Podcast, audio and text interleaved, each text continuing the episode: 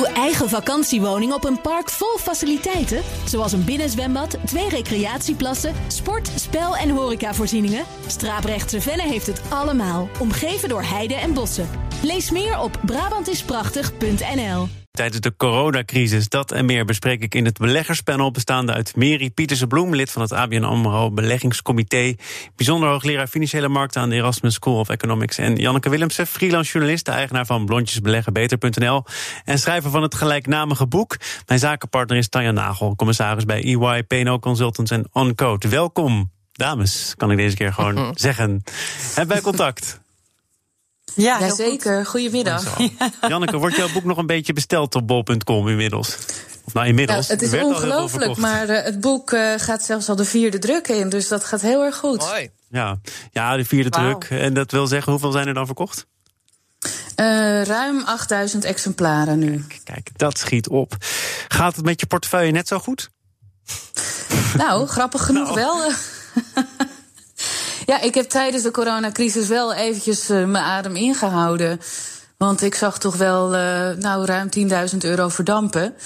Maar inmiddels ben ik weer helemaal boven Jan met die portefeuille. En staat er zelfs een plusje van uh, ruim 3% Ja, vertel eens even hoe dat dan jaar. gaat. Want jij bent dus stil blijven zitten terwijl er van alles gebeurde. En niet per se in positieve zin. Ja, precies. Ja, weet je, je hoort vaak uh, dat uh, gezegde van je moet stil blijven zitten als je geschoren wordt. Um, dat heb ik maar toegepast. En ik heb gedacht van uh, de coronacrisis gaat ooit over. Er zal ooit wel weer herstel komen. En het laatste wat ik uh, vond dat ik moest doen was in paniek uh, verkopen. Of juist bijkopen en dan daar later misschien weer spijt van krijgen. Dus ik heb gewoon niks gedaan. En uh, ja, dat, dat is dan wel een tijdje heel erg spannend. Maar uh, ja, de aandelen die ik in mijn portefeuille heb zitten, ja, daar staan er een aantal van nog steeds op grote verliezen hoor. Maar uh, er zitten er ook een paar tussen die hebben het zo goed gedaan. Dat dus mijn hele portefeuille inmiddels weer in de groene cijfers staat. Maar zijn dat dan alleen aandelen, Janneke? Ja, die portefeuille zijn alleen aandelen en er zit één aandelen ETF in. En uh, je had je dus van alles voorgenomen. Ik uh, handel even niet. Is er toch een moment geweest dat je dacht: ja, ik kan het allemaal wel rationeel verklaren dat ik nu niks moet doen, maar forget it. Het gaat nu zo de verkeerde kant op. Ik moet nu ingrijpen. Ja, er was een moment en toen kreeg ik zoveel reacties van mensen die allemaal wilden beginnen met beleggen ook, want dit was toch het ultieme instapmoment. Ja, en dan merk ik toch dat slaat natuurlijk wel een beetje ook op jezelf over. Want je krijgt echt allemaal van die gedachten van. Uh, uh, lager dan dit kan niet. Um, maar ik vond het toch zo spannend dat ik dat niet heb gedaan. Nee. Mary, wat, uh, wat heb jij gedaan? Wat wil jij bespreken? Ja, wij zijn natuurlijk ook door die hele rollercoaster heen gegaan hè, bij, uh, bij ABN AMRO... met een uh, hele, hele aanzienlijk uh, grote aandelen portefeuille gewoon in zijn algemeenheid. Natuurlijk heel veel assets under management, zeg maar. Uh, wij hebben ook in eerste instantie uh, niets gedaan. Dat wil niet zeggen dat we niet bovenop de markt zaten, want die maakten we van dag tot dag mee. Maar ja, als aandelen zeg maar uh, één dag 12% naar beneden gaan en de volgende dag weer 9% goed maken, dan heb je te maken met zo'n ontzettende bewegelijkheid dat je eerst ook zelf moet kijken van ja, weet je, wat is nou uh, zeg maar het punt op de horizon? We hebben in eerste instantie uh, even niks gedaan. We hebben wel gevonden uh, afgelopen week dat we het recente optimisme waarmee de beurskoersen omhoog uh, zijn gegaan, dat dat ons een beetje te hard is gegaan. En dat we toch rekening houden met een, een tweede mogelijk scherpe daling. Of tenminste een langdurige stabilisatie met wat zijwaartse koersbeweging. En hebben dus wat van onze aandelen afgebouwd. Dat is nu onze aanbeveling aan beleggers om hun aandelenportefeuille wat te verkleinen. En in een iets onderwogen uh, positie te gaan, te gaan zitten. Dus absoluut geen signaal om aandelen in zijn geheel te verkopen. Absoluut niet. We, we raden beleggers aan om wel belegd te blijven. Maar een tandje minder op dit moment. Uh, omdat als er zeg maar toch nog weer een correctie komt. Omdat de lockdownperiodes overal wat langer duren dan dat we eerder hadden verwacht, dan komen er meer kansen later dit jaar waar we wel weer uitgaan van een herstel. Maar bedoel je dan dat ze een risicoprofiel zouden moeten aanpassen of een beetje liquide gaan? Nee, het laatste. Niet het, niet het risicoprofiel noodzakelijkerwijs uh, aanpassen. Hè? Want je, je risicotolerantie blijft op de lange termijn. Uh, en dan heb ik het over een periode van vijf jaar of meer. eigenlijk gewoon hetzelfde. Uh-huh. Maar op dit moment inderdaad gewoon. Uh, wat, een klein beetje wat van de aandelen inruiden voor, voor liquiditeiten.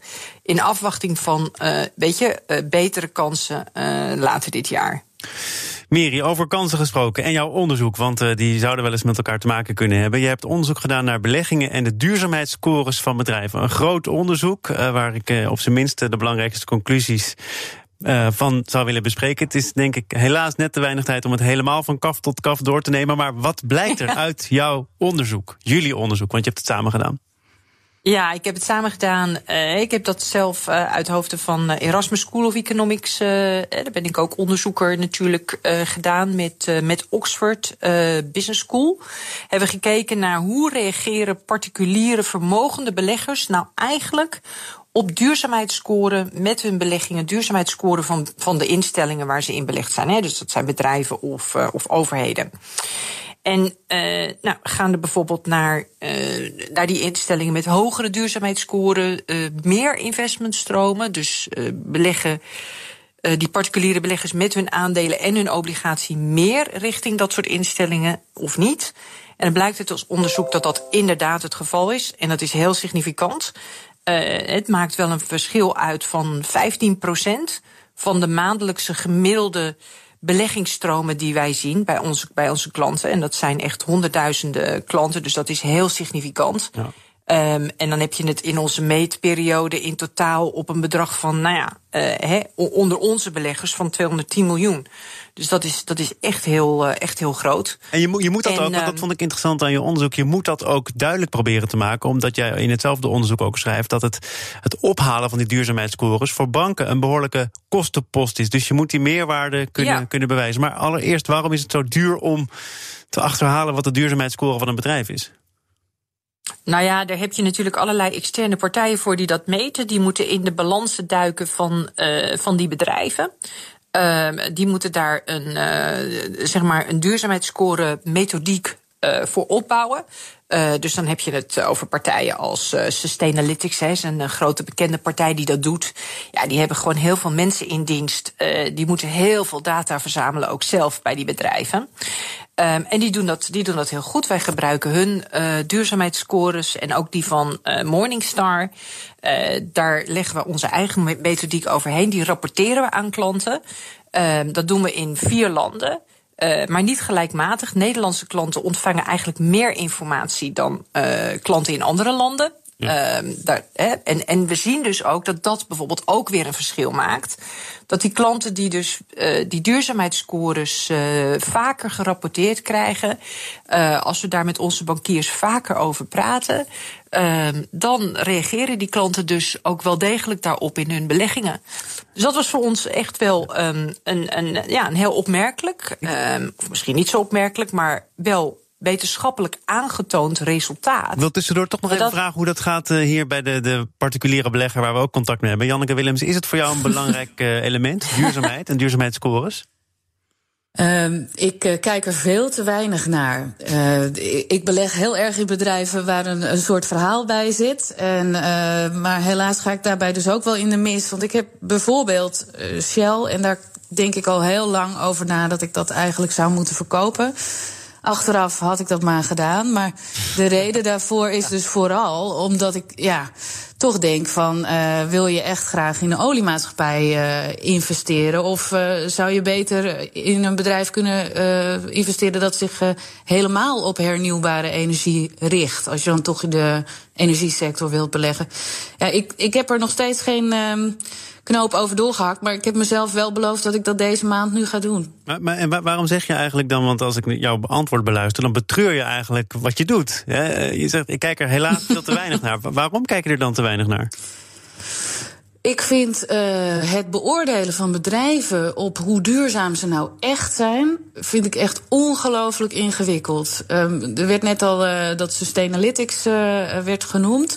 zij doen natuurlijk enorm veel onderzoek en, en hebben allerlei data op allerlei criteria waar bedrijven op kunnen scoren. Nou, en zie daar als particuliere belegger maar eens wijs uit te worden.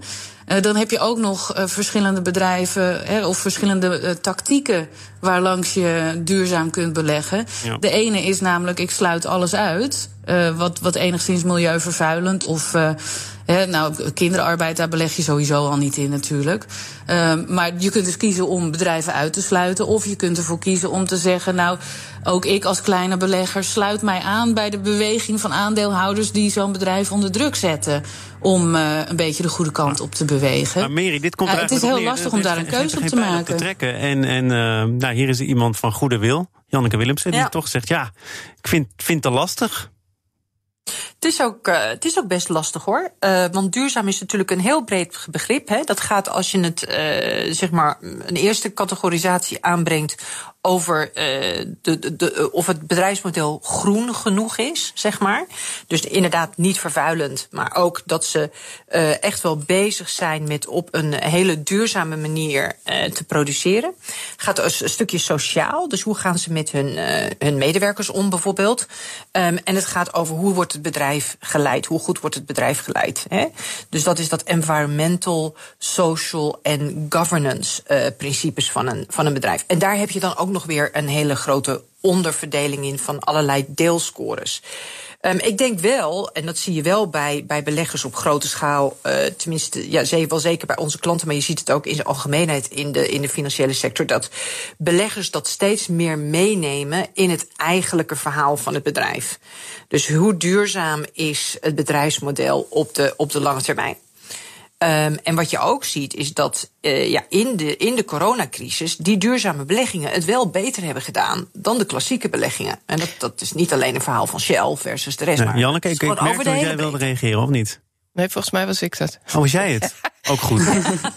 nee, ik, uh, ik vroeg me af, uh, Mary, als je dan kijkt naar het ABP en het pensioenfonds Zorg en Welzijn, die 20% ja. van hun portefeuille verliezen, met name door grote verliezen in de oliesector, zou dat nou anders zijn geweest als ze in duurzame energie hadden belegd? Kijk, je moet dat natuurlijk wel uh, schalen naar hun grootte. Hè? Je hebt het over een ABP, dat, dat is een fonds van, uh, wat is het, 480 miljard of zo. Dat is waanzinnig groot. Uh, en zorg en welzijn ook nog eens een keer iets van 250 miljard. Als je kijkt naar wat zij procentueel belegd hebben in fossiele energiesector, dan is dat al heel veel minder dan dat je op basis van de pure marktkapitalisatie zou doen. Uh, het duurzame energiebeleggen kan je ook nog maar heel, heel weinig in uh, liquide uh, beursgenoteerde aandelen doen. Dat zijn toch vaak beleggingen in projecten. Uh, windmolenprojecten bijvoorbeeld. Um, daar brengen ze wel degelijk heel veel geld naartoe. Maar daar kunnen ze niet al hun geld naartoe brengen. Hè. We moeten wel reëel blijven.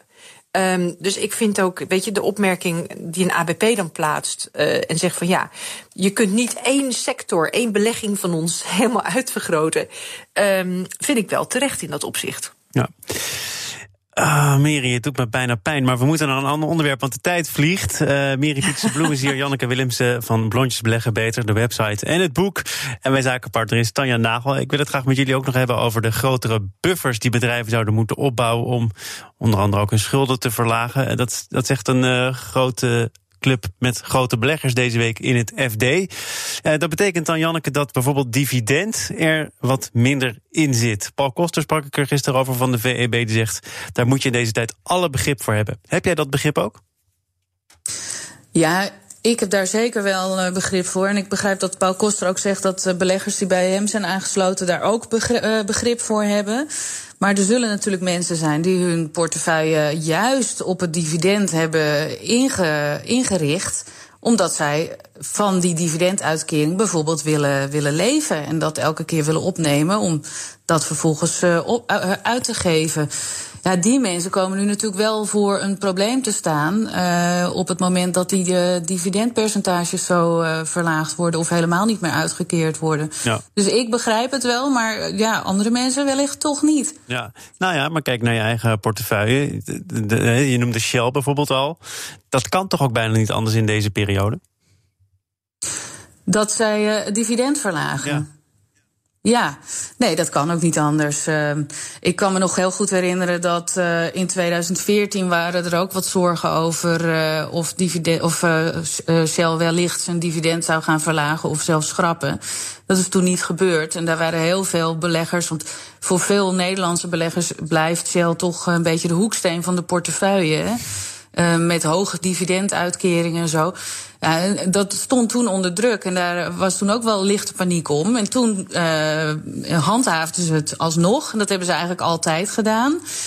Uh, en, en ook heb je dat gezegde van never sell Shell.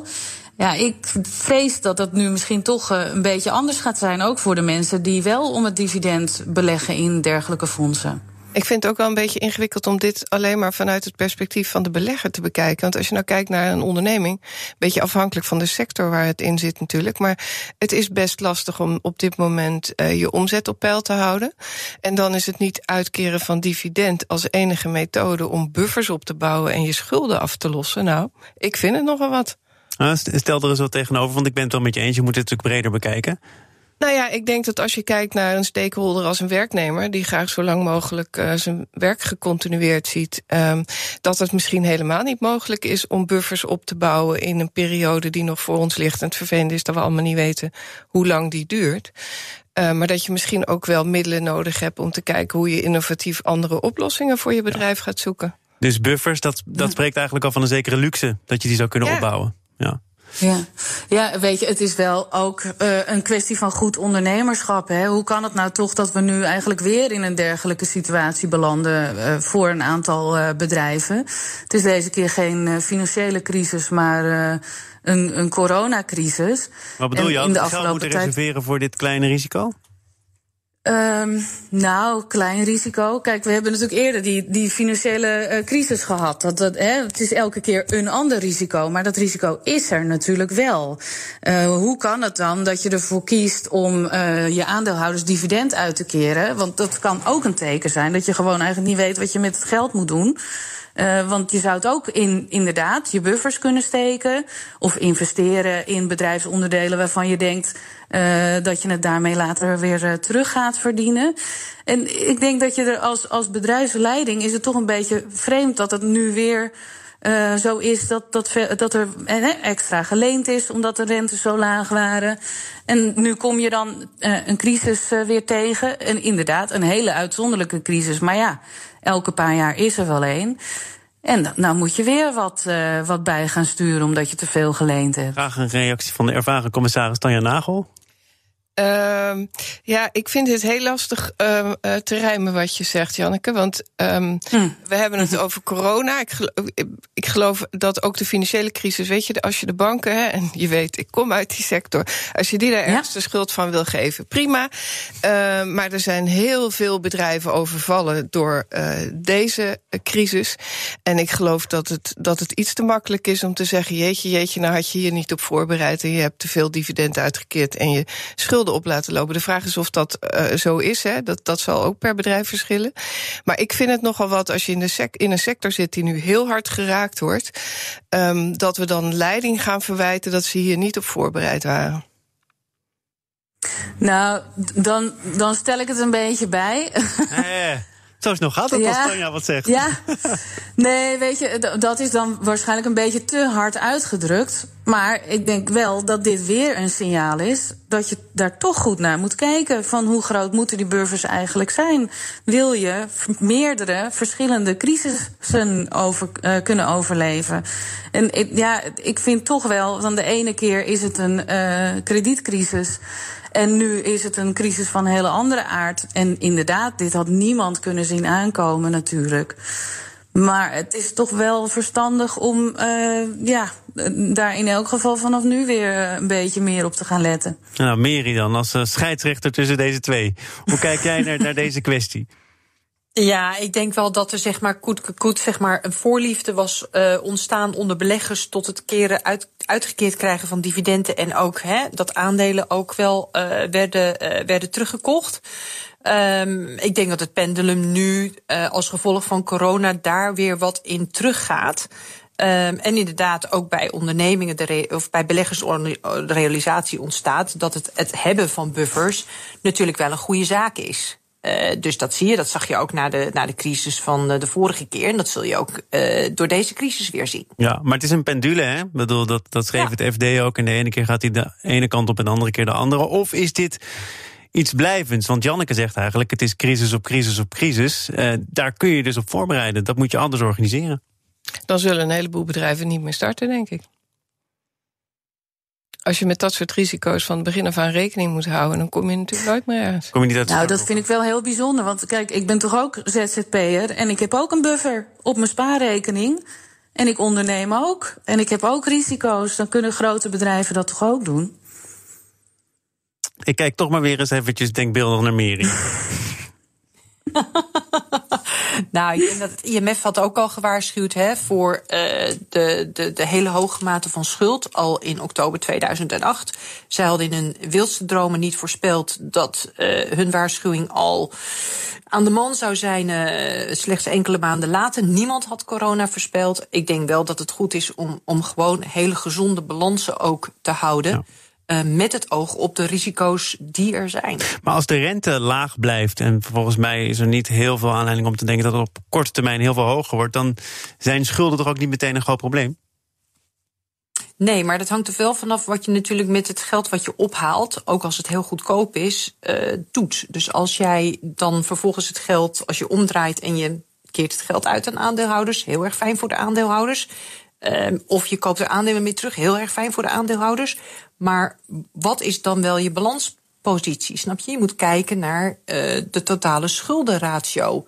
Uh, oftewel de leverage van, uh, van bedrijven. Nou, dat verschilt per sector. Dus de financiële sector stond er aanmerkelijk beter voor. Uh, bijvoorbeeld dan de, vlak voor de uh, vorige financiële crisis. Maar in andere sectoren was dat wel minder. Nou, dat, ik vind wel dat, dat je als bedrijf gewoon inderdaad moet kijken van wat is je leverage positie. En ook niet al en ook aan de verleiding moet kunnen weerstaan. Om toch nog heel goedkoop um, geld op te blijven halen. Als je dat niet zeg maar voor je duurzame ontwikkeling van je, van je business wilt inzetten onmiddellijk. En zo zijn we toch weer teruggekomen bij duurzaamheid. Dank dat jij je, je onderzoek bij ons wilde presenteren. Miri Pieterse Bloem, lid van het ABN AMRO Beleggingscomité... bijzonder hoogleraar Financiële Markten aan de Erasmus School of Economics. Janneke Willemsen, freelance journalist en eh, bestseller-auteur van Blondjes Beleggen Beter. En wij zakenpartner van vandaag, Tanja Nagel, commissaris bij EY, PNO Consultants en Uncode. Tot snel weer, hoop ik. Ik hoop het.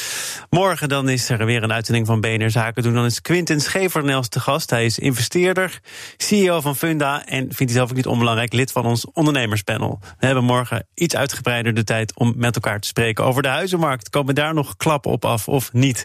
Dat allemaal morgen in BNR Zaken doen. Zometeen eerst Nieuwsroom, de dagelijkse podcast van het FD en BNR. Veel plezier daarmee. Tot morgen.